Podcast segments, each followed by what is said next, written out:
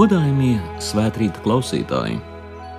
Šodien studijā kopā ar jums priesteris teoloģijas doktors Jānis Priede, un šajā rītā aicinu jūs ieklausīties svēto rakstu lasījumā, ko atrodam Mateja evaņģīlija 15. nodaļā. Tajā laikā Jēzus devās uz Tīras un Sidonas pusi, un lūk, kanāniešu sieviete, izgājusi no tā apvidus, sauca, sacīdāma: Kungs, Dāvida dēls, apžēlojies par mani. Manu meitu šausmīgi moka ļaunais gars, bet viņš tai neatbildēja nevārdu. Un viņa mācekļi piegājuši, lūdza viņu sacīdāmi: atlaidi viņu, jo viņa sauc aiz mums. Bet viņš atbildēja: Es esmu sūtīts tikai pie Izraēļa nama pazudušajām avīm. Bet viņa piegāja un nokrita viņa priekšā, sacīdama: Kungs, palīdzi man! Viņš atbildēja: Nav labi atņemt maizi bērniem un mest kucēniem bet viņa sacīja: Jā, kungs, bet arī kucēni ēd drupatas, kas nokrīt no viņa saimnieka galda. Tad Jēzus atbildot, sacīja viņai: Ak, sieviete, liela ir tava ticība, lai notiek tev tā, kā tu gribi. Un no tā brīža viņas meita bija vesela.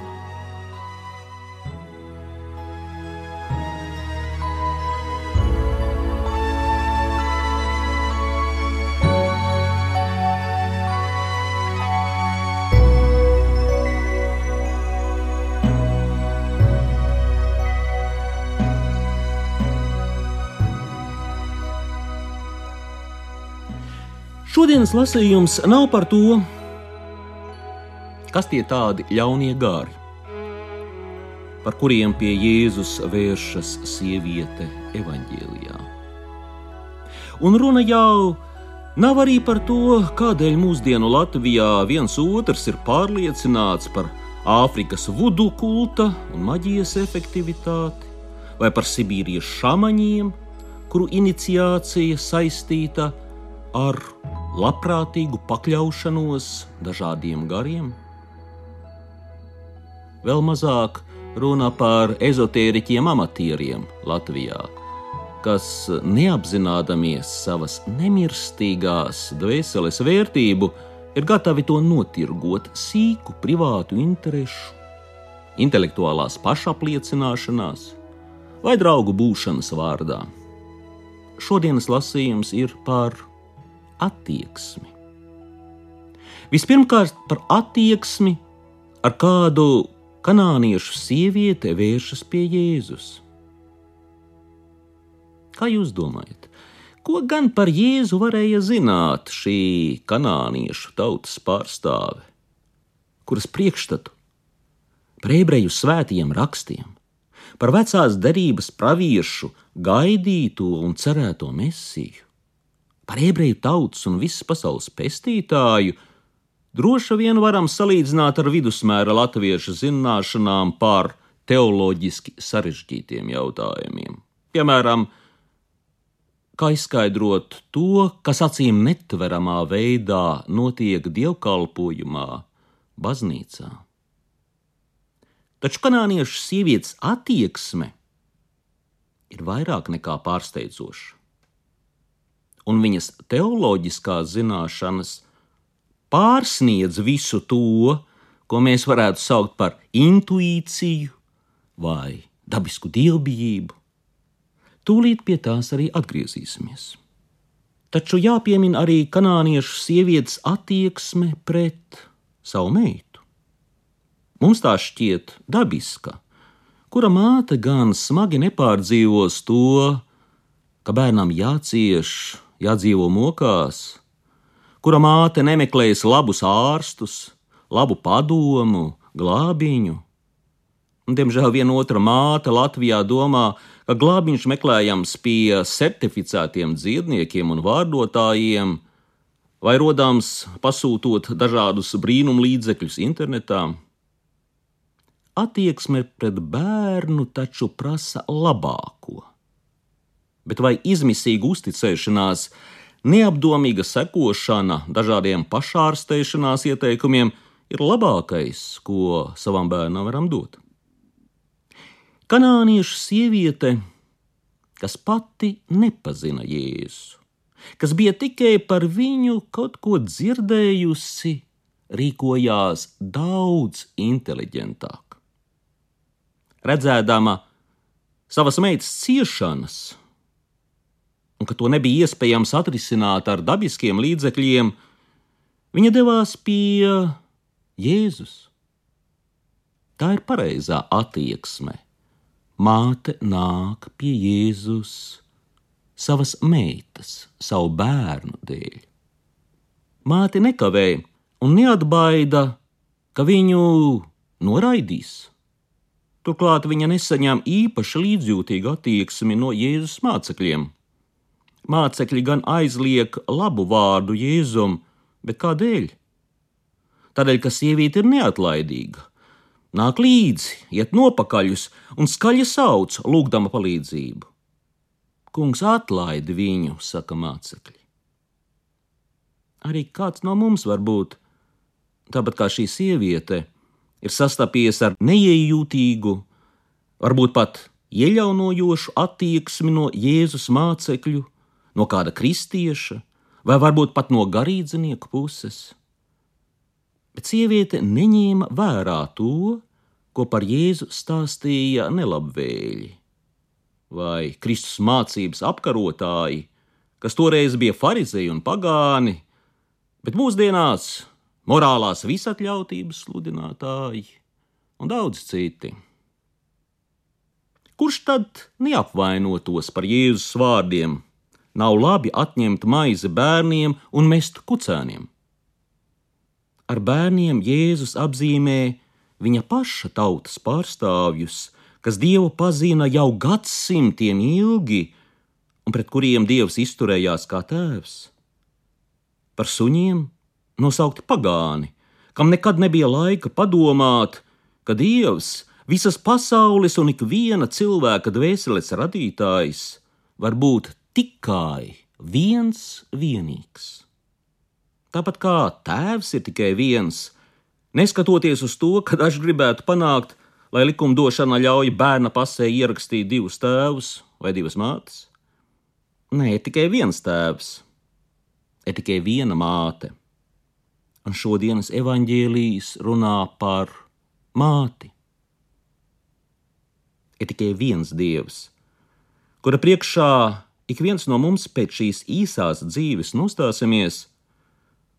Un mūsu pašu sirdsapziņa mums pateiks priekšā, vai dzīves laikā esam pēc viņa neatlaidīgi tiekušies, kā šī pagānu tautas sieviete, kā māte, kas lūdz Jēzu, kā māte, kuras ticība Jēzum spēja izlausties cauri Jēzus sākotnējai klusēšanai viņš taču neatbild ne vārda. Un pēc tam šķietamajam noraidījumam, kad viņš saka, es esmu sūtīts vienīgi pie Izraēļa nama pazudušajām avīm, un nav labi atņemt maizi bērniem un mest kucēniem. Kādēļ Jēzus ir tik skarbs? Kādēļ Dievs reizēm klusē un neatbild uz mūsu lūgšanām? Vai ne tādēļ, ka viņš vēlas, lai mēs viņām ticētu pa īstam, un ne tikai pirms eksāmeniem vai smagu ciešanu brīžos? Taču kanāniešu sievietes gadījumā redzam, ka Jēzus klusē pavisam cita iemesla dēļ. Mēs zinām, Jēzus ir cilvēks un dievs. Viņš taču redz šīs sievietes sirdi. Viņš zina, cik brīnišķīga ir šīs mātes ticība. Sieviete, kurai nebija ne augstākās izglītības, ne iespēja klausīties izglītojošus raidījumus radio, viņa apbrīnojamā, neiedomājamā veidā zina, kas ir Jēzus. Viņa zina, ka Jēzus ir nevis apkārt staigājošs dziednieks, kas ārstē ar biostrāvām, iedvesmu vai enerģijām, bet ka Jēzus ir tas, par ko viņu atzīst toreiz vēl tikai topošā, bet nu jau 2000 gadus senā kristīgā baznīca. Jēzus ir cilvēks un dievs vienlaicīgi. Tieši tādēļ viņa uzrunā Jēzu ar vārdiem: Kungs, Dāvida dēls, apžēlojies par mani. Viņa saka, Kungs, un ar to nedomā ministru prezidenta kungu vai firmas veikalā ienākušu klientu.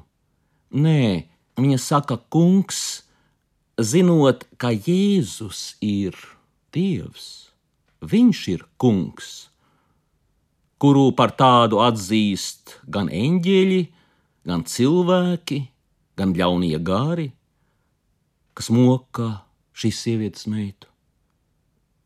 Jēzus vārdā locīsies visi ceļi, debesīs un zemes virsū un pazemē, tā vēlāk Jēzus autoritāti formulēs apustulis Pāvils.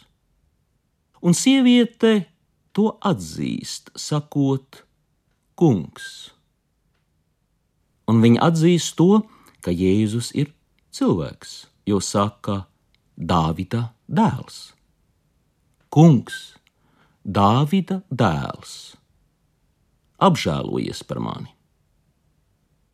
Jēzus redz sievietes ticību, redz dievišķās patiesības apgaismotu ticību, nevis kaut kādu ticēšanu augstākiem spēkiem vai sektantisku paļaušanos, ka pietiek ticēt ļoti aptuveni kaut kam, un viss jau būs labi. Jēzus redz ne tikai sievietes ticību, bet arī viņas ārkārtīgo pazemību. Kas gan ir cilvēks, dieva, visa kosmosa radītāja, visuma vai varbūt multiversa radītāja priekšā? Vai cilvēks var teikt, ka viņš ir pasaules centrs, sociālā burbuļa centrs, varbūt? bet dieva priekšā. Un tādēļ kanāniešu sieviete saka, Jā, kungs, bet arī kucēni ēd drupatas, kas nokrīt no saimnieka galda. Viņa apzinās, ka cilvēkam nav tiesību, ja tā varētu teikt, lepni nosēsties ar dievu visas pasaules saimnieku pie viena galda un ņemt to, kas pienākas bērniem. Lūk, kādēļ Jēzus sākumā klusē un izturas šķietami noraidoši. Viņš vēlas, lai kanāniešu sievietes skaidrā ticība un neviltotā pazemība kļūst par paraugu visiem. Vēl vairāk, Jēzus vēlas, lai mēs novērtējam neatlaidību, neatlaidību lūgšanā. Nekas nav svarīgāks par pacietību un neatlaidību. Tas attiecas nevien uz tiem, kas vēl tikai meklē Jēzu un pirmoreiz uzrunā viņu, bet arī uz tiem, kas ir kļuvuši par viņa bērniem kristībā, kuri drīkst nākt pie dieva galda, tie, kuriem priesteris pie dievgalda pasniedz kaut ko vairāk nekā maizi, kaut ko vairāk nekā drupačas, kas nokrīt zem galda. Maizes zīmē priesteris pasniedz Jēzu. Un tādēļ Jēzus no saviem mācekļiem, no kristiešiem prasa ticību, pazemību un pacietību. Viņš slavēja kanāniešu sievieti, māti, kas ar savu ticību, ar savu pazemību, ar savu neatlaidību izlūdz palīdzību meitai. Šajā notikumā redzam arī vēl kaut ko citu ļoti svarīgu. Kristības sakramentā mazs bērniņš, kas vēl nav sasniedzis apzinīgu vecumu un prāta gadus, tiek atbrīvots no ļauno gāru varas. Viņam tiek piedoti grēki, viņš kļūst par dieva bērnu. Vecāku ticība, tāpat kā kanāniešu mātes ticība, ir tā, ar kuru drīkstām uzticēt mazo bērniņu Jēzum, neskatoties uz to, ka viņam pašam vēl nav ne ticības, ne pazemības, ne pacietības, bet palīdzība gan bērnam vajadzīga. Tādēļ labi vecāki ir savu mazo bērnu aizgādaņi arī ar savu ticību. Kungs apžēlojies par mani! Saka māte, un kungs uzklausa viņas lūgumu. Ik dievkalpojumā katoļu baznīcā dzirdām evaņģēlija vārdus Kirie eleison. Kungs apžēlojies. Eleison Kirie, saka kanāniešu māte. Ar šiem vārdiem viņa uzrunā Jēzu arī mēs drīkstām piebalsot viņai. Kungs apžēlojies par mums, Kirie Eleison. Arī mēs drīkstām piedalīties mūžīgajā liturģijā kopā ar māti baznīcu, kas lūdzas par saviem bērniem ik katrā dievkalpojumā. Un tāpat kā ikvienam, lai nāktu pasaulē, ir nepieciešami vecāki, tēvs un māte. Tā arī katram no mums ir debesu tēvs, viens vienīgs. Un arī māte ir viena, viena vienīgā māte baznīca. Ir tikai viens tēvs un viena baznīca.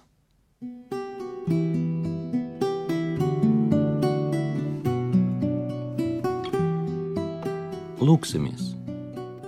Lai katram bērnam būtu tēvs un māte. Dievs ir tēvs ikvienam, kam baznīca ir māte. Lūksim, lai ik viens atrod ceļu pie sava debesu tēva un mātes baznīcas. Lūksim, lai vecāki lūgtu dieva palīdzību saviem bērniem ne tikai kristību brīdī, bet pacietīgi un neatlaidīgi ikdienas. Lūksim, lai mēs paši labāk iepazītu ticības patiesības, pazītu Jēzu, kurā nesaraujamā vienotībā izpaužas viņa dievišķīgā un cilvēciskā daba. Lūksim, lai visas pagānu tautas iepazīst Dievu un kristīgā Eiropa atrod ceļu atpakaļ pie Jēzus. Lūksim par Latviju, lai tā spētu noraidīt cilvēka cieņai neatbalstošu ideoloģiju vilinājumus. Lūksim par tiem, kas mocās sapinušies ezotērisko mācību, okultisma un pseido-reliģiju valgos. Lūksim, Kirie Eleison, Kungs, apžēlojies! Svētrītas studijā kopā ar jums bija priesteris, teoloģijas doktors Jānis Priede.